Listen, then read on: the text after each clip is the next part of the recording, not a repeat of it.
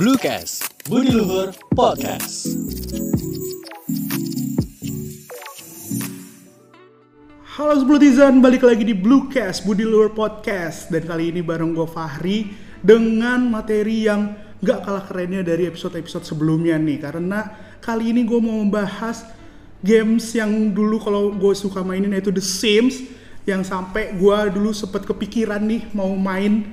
Terus juga kayak ah apa gue jadi bagian dari arsitektur ya Karena kan ngelihat The Sims tuh kayak seru gitu kita ngedesain-desain gam- apa gedung dari dari nol gitu dari punya blueprintnya dulu nah ini dia untuk Blutizen biar lebih tahu lebih mendalam tentang arsitektur atau yang suka ngegambar-gambar nih atau gimana pun kita bisa ngobrol langsung aja sama Ibu Anggreni dia SMT eh, selaku dari prodi arsitektur Universitas Budi Luhur ya Iya, betul banget. Nah, jadi sekarang aku mau tahu nih Bu, Ya. kalau di arsitektur Budi Luhur nih, sebenarnya apa sih yang membedakan sama arsitektur yang lain nih Bu?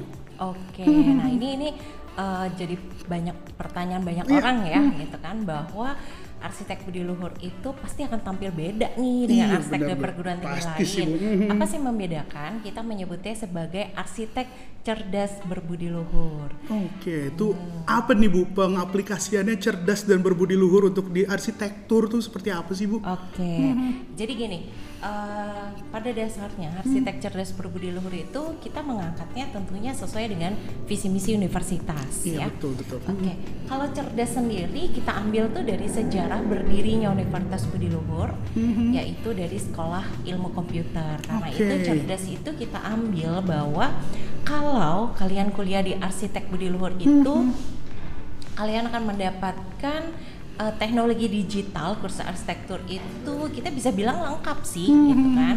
Nah biasanya gini nih mas, uh, mahasiswa itu biasanya uh, kalau mereka kuliah arsitek terus pengen menguasai program komputer di arsitektur, biasanya mereka harus ngambil di luar nih mas, harus short course dulu gitu Oh, Jadi kan. beda lagi gitu ya Bu ya? Nah.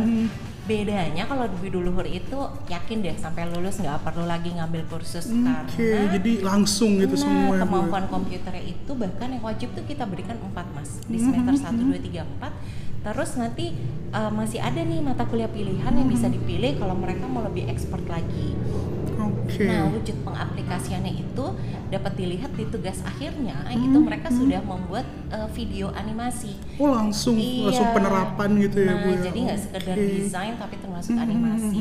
Nah, yang kedua tadi kan ada berbudi luhur Iya, ya Mas betul, ya. betul. Nah, itu kita mengangkat masalahnya ada dua isu ya Mas ya. Jadi yang pertama dari global warming. Yap. Nah, di sini uh, kita memberikan pengarahan untuk uh, membuat desain itu harus ramah lingkungan. Oke. Jadi mengurangi efek global warming. Nah, yang kedua, isu yang juga lagi hangat-hangatnya kan masalah sampah nih. Oh iya bener Bu, Nah, kayak ternyata pada saat arsitek itu membangun ada produksi sampahnya. Nah, itu yang kita lakukan dengan cara belajar untuk mendaur ulang material Oke. untuk digunakan kembali. Jadi Gitu. untuk uh, go greennya dari menggunakan material-material yang bisa didaur ulang gitu bu ya iya, di sini di bisa sini. di reuse, gitu kan bisa di recycle seperti itu, Mas. Nah terus kalau aku mau tahu nih bu di Ya. arsitektur Budi Luhur tuh sebenarnya belajarnya itu lebih condong ke teori doang ataukah ada prakteknya juga atau gimana sih bu sebenarnya bu?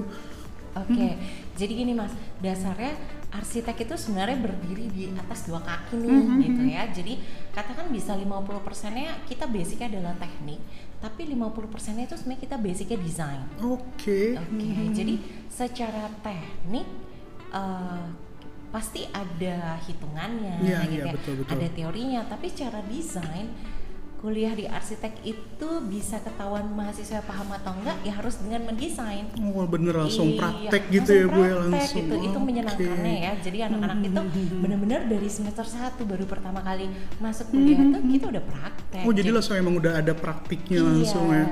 Nah, teori sih tetap ada ya Mas ya. Karena kan kita harus dilandasi oleh teori-teori arsitektur yang jelas.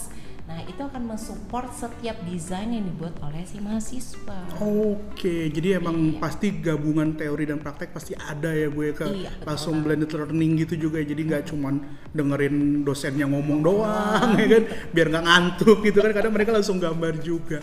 Nah tapi ini kan tadi ada hitung-hitungan, ada gambar kan, apalagi eh, dengan ciri khas teknik gitu. Sebenarnya di Budi Luhur itu terbatas untuk anak IPA doang atau gimana sih Bu untuk Blutizen yang baru lulus gitu?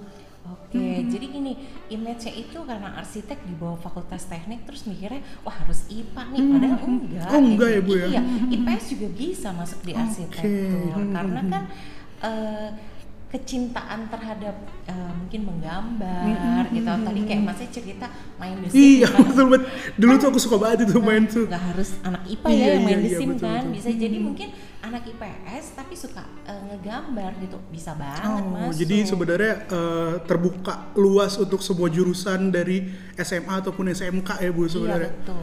Oke, yang penting punya passion gitu ya Bu ya kalau di ini ya. Ah, terus tadi kita udah ngomongin tentang arsitekturnya. Nah, aku pengen tahu sebenarnya di dalam arsitekturnya Budi Luhur ini ada konsentrasi-konsentrasinya lagi nggak sih Bu? Ada perpecah perbedaannya lagi atau emang cuman tentang si arsitekturnya aja? Oke, yang pastinya ada ya. Ada ya? Kita punya dua peminatan. Jadi yang pertama kita sebut sebagai Eco Smart Real Estate. Mm-mm. Kemudian yang kedua kita sebut sebagai Smart Interior. Oke, smart Nah. interior. Eco Smart Real Estate itu kita ambil dari real estate itu basicnya pertama kali kita ambil dari rumah tinggal. Kenapa kita pilih rumah tinggal? Karena rumah tinggal itu merupakan kebutuhan primer manusia. Iya, betul banget. Artinya nggak pernah berhenti dong orang butuh rumah tinggal ya. Nah tapi kembali lagi nih uh, real estate itu bukan sebatas rumah tinggal aja, tapi rumah tinggal beserta fasilitasnya. Hmm, Contoh, iya iya iya. kalau kita eh, rumah tinggal kan pasti bu- anak kita butuh sekolah, Hmm. Ya, kita mendesain sekolah juga.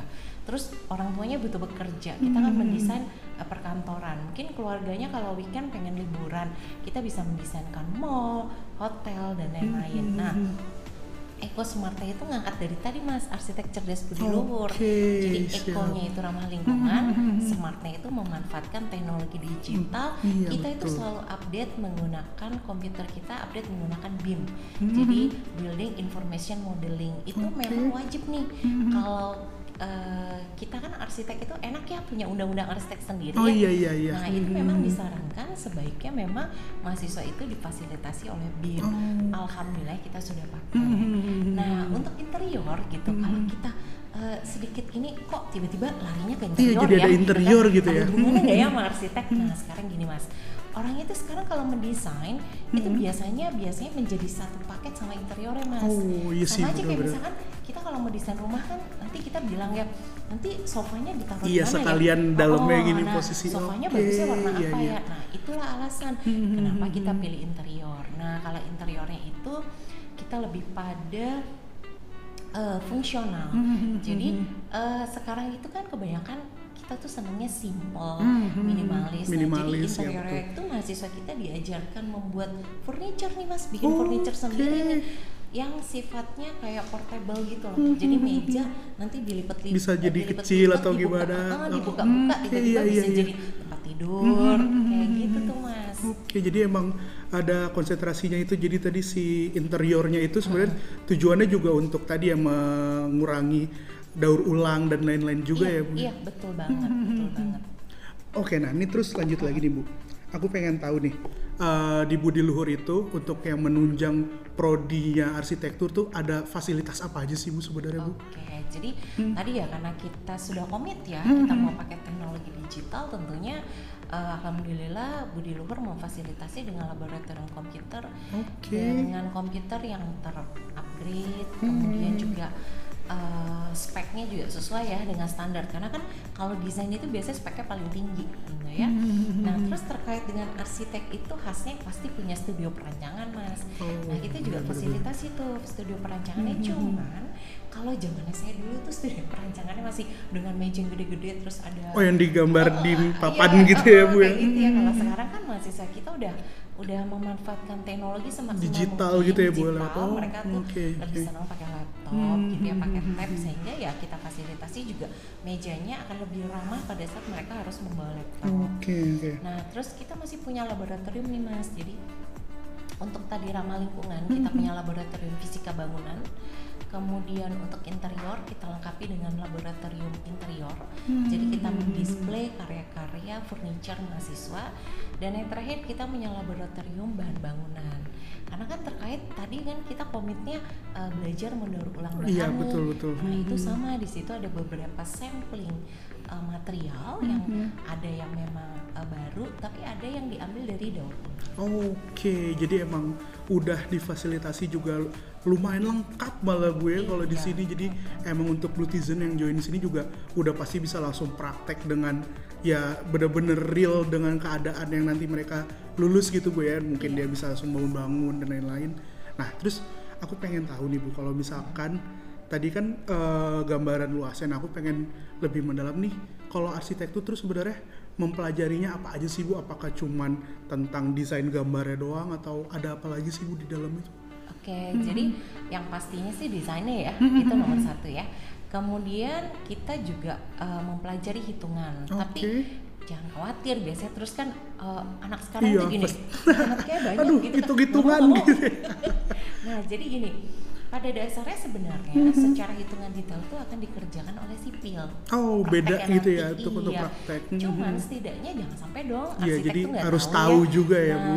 Jadi kita Mhm. akan uh, memberikan basicnya. Jadi hitungannya itu lebih kepada basic struktur supaya tahu Oke. uh, ketebalannya harus berapa sih Iya, gitu. iya, betul, betul. Tapi secara detail kualitas beton dan lain-lain itu sebenarnya dipelajari oleh mahasiswa Hmm, Oke, sipil. oke, oke. Jadi emang lebih tentang desainnya juga, tapi juga mereka juga harus tahu sedikit tentang ataupun harus tahu kulitnya tentang eh, apa barang-barang yang mereka gunakan gitu ya bu. Iya, Oke, jadi emang luas banget sebenarnya pelajaran-pelajaran dari arsitektur ya bu ya. Iya. Nah, terus kalau misalkan dari mahasiswanya sendiri, Mm-mm. apakah di belakangan ini nih di Budi Luhur ada proyek-proyek khusus atau mungkin emang mereka nih yang ngambil TA ini apakah harus skripsi atau bisa karya atau gimana sih bu kalau di Budi Luhur tuh? Oke, Eh, jadi eh, untuk tugas akhir itu kan memang Hmm. ya bentuk aplikasi bahwa bener nggak nih setelah eh, tujuh semester kuliah Iya, mereka betul. paham ya. Nah itu biasanya dibuktikan dengan desain. Oke. Nah desain kita itu sifatnya adalah masa majemuk jadi eh, yang didesain itu nggak nggak sesuatu yang kecil Hmm, gitu kan memang harus sesuatu yang kompleks jadi misalkan rumah tinggal dengan fasilitas sport centernya gitu ya gedung Hmm, serbaguna-nya gitu atau misalkan mall yang di atasnya ada apartemennya ada Hmm, hotelnya seperti itu nah tapi sekarang kan Mas Menteri ini lagi gencar-gencarnya tentang MBKM Oh ya iya, Merdeka itu. Belajar Hmm. Kampus Merdeka Alhamdulillah kita di arsitek dan rapin Oke, apa Gitu. tuh bu kalau dari MBKM-nya arsitek sendiri Arsitek tuh? ya. Oke, jadi yang paling favorit itu magang. Hmm, Itu paling favorit Hmm. diambil mahasiswa arsitek karena mereka benar-benar terjun Hmm. ke konsultan atau ke kontraktor. Mereka benar-benar ngerasain eh, mereka benar-benar dikasih project real loh, Mas. Oh, bener-bener ah, jadi langsung yang ngerasain industrinya langsung ya? Dan bangganya mereka kan terus mereka suatu saat bilang, "Eh, itu rumah itu bikinan saya loh." Oh iya benar-benar. ya jadi langsung ya ngerasain realnya. Hmm. Oke, jadi itu dia tuh Blutizen. Sebenarnya tuh luas banget, apalagi TA-nya juga emang harus langsung pengaplikasiannya juga ya Iya. bu ya. Nah kan kalau misalnya kita udah lulus nih, udah ngomongin TA, kita udah lulus, aku pengen tahu nih jenjang karir, prospek kerjanya, lulusan-lulusan arsitektur dari Universitas Budi Luhur tuh gimana sih bu sebenarnya apa aja sih yang mereka mereka lakukan gitu setelah lulus? Iya. Jadi yang pasti tentunya pastinya jadi arsitek dulu ya. Iya betul sih, emang dari namanya juga udah. Pasti jadi arsitek. Nah, cuman karena visi misi kita kan entrepreneur ya wirausaha. Hmm, oke, Jadi gini, kita nggak harus selalu bergantung pada sebuah perusahaan. Kenapa nggak kita yang bikin perusahaan ya Oh, iya, kan? betul, kita yang betul. menghajar Hmm, orang, hmm, kita hmm. gaji orang. Nah itu sudah diberikan di dalam mata kuliah, Oke. sehingga pada saat lulus bahkan kita sudah memberikan modal mahasiswa itu mampu untuk berwirausaha apalagi tadi disupport dengan MBKM Hmm, sudah latihan magang gitu kan ilmunya kan lebih lengkap lagi ya Betul, mas ya betul, jadi kita uh, open untuk wirausaha kemudian yang pastinya bisa kalau belum pede nih Iya, mungkin dia iya. belum pede Hmm. wirausaha takut uh, gimana ya Iya, gitu baru mulai gitu, Ah, takut mau mulai. Caranya marketingnya gimana bisa masuk di perusahaan nah Oke. perusahaannya itu bisa di konsultan bisa di kontraktor Hmm, nah ternyata arsitek itu juga banyak loh dibutuhkan di kantor pemerintah. Ya kan? Karena kan terkait dengan tata wilayah Oh, iya, kemudian bener-bener. biasanya bangunan-bangunan pemerintah itu kan pakai desain khusus Hmm, itu arsitek juga. Nah kemudian bidangnya itu ternyata nggak spesifik harus selalu di arsitek. Oke, gitu. Karena kita Hmm. mempunyai peminatan interior, jadi lulusan kita juga bisa bekerja di perusahaan-perusahaan interior. Oh iya benar yang juga ya. paling banyak Hmm. nih gitu, yang paling banyak dari kita yang interior itu kebanyakan kerjanya di mall. Hmm. Nah, mall itu kan mungkin masih tahu ya. Interior mall itu kan sering berubah. Nanti Iya, ada betul. Nanti tiba-tiba, apa iya, gitu ada- ya. ada perubahan di bawah ya, Misalkan di- kayak kemarin nih kita uh, Nataru ya, Hmm, Natal tahun iya, baru. betul, ada- Tiba-tiba kan dekornya De, iya dekor-dekornya menyesuaikan musim gitu ya bu Iya. ya. Hmm. Nah itu dikerjakan oleh tim khusus interior. Nah lulusan budi luhur tuh ternyata banyak mas yang kerja di Wah, keren, mall keren. seperti itu. Oke, itu dia tuh Blutizen yang penasaran jurusan apa namanya prodi dari arsitektur. Kita udah ngobrolin panjang lebar nih. Mungkin terima kasih juga Ibu atas waktunya. Iya, sama-sama. Jadi buat Blutizen yang mau daftar langsung aja ke pendaftaran.budiluhur.ac.id dan tunggu aja Bluecast Bluecast di episode selanjutnya. Salam Budi Luhur. Salam budi luhur.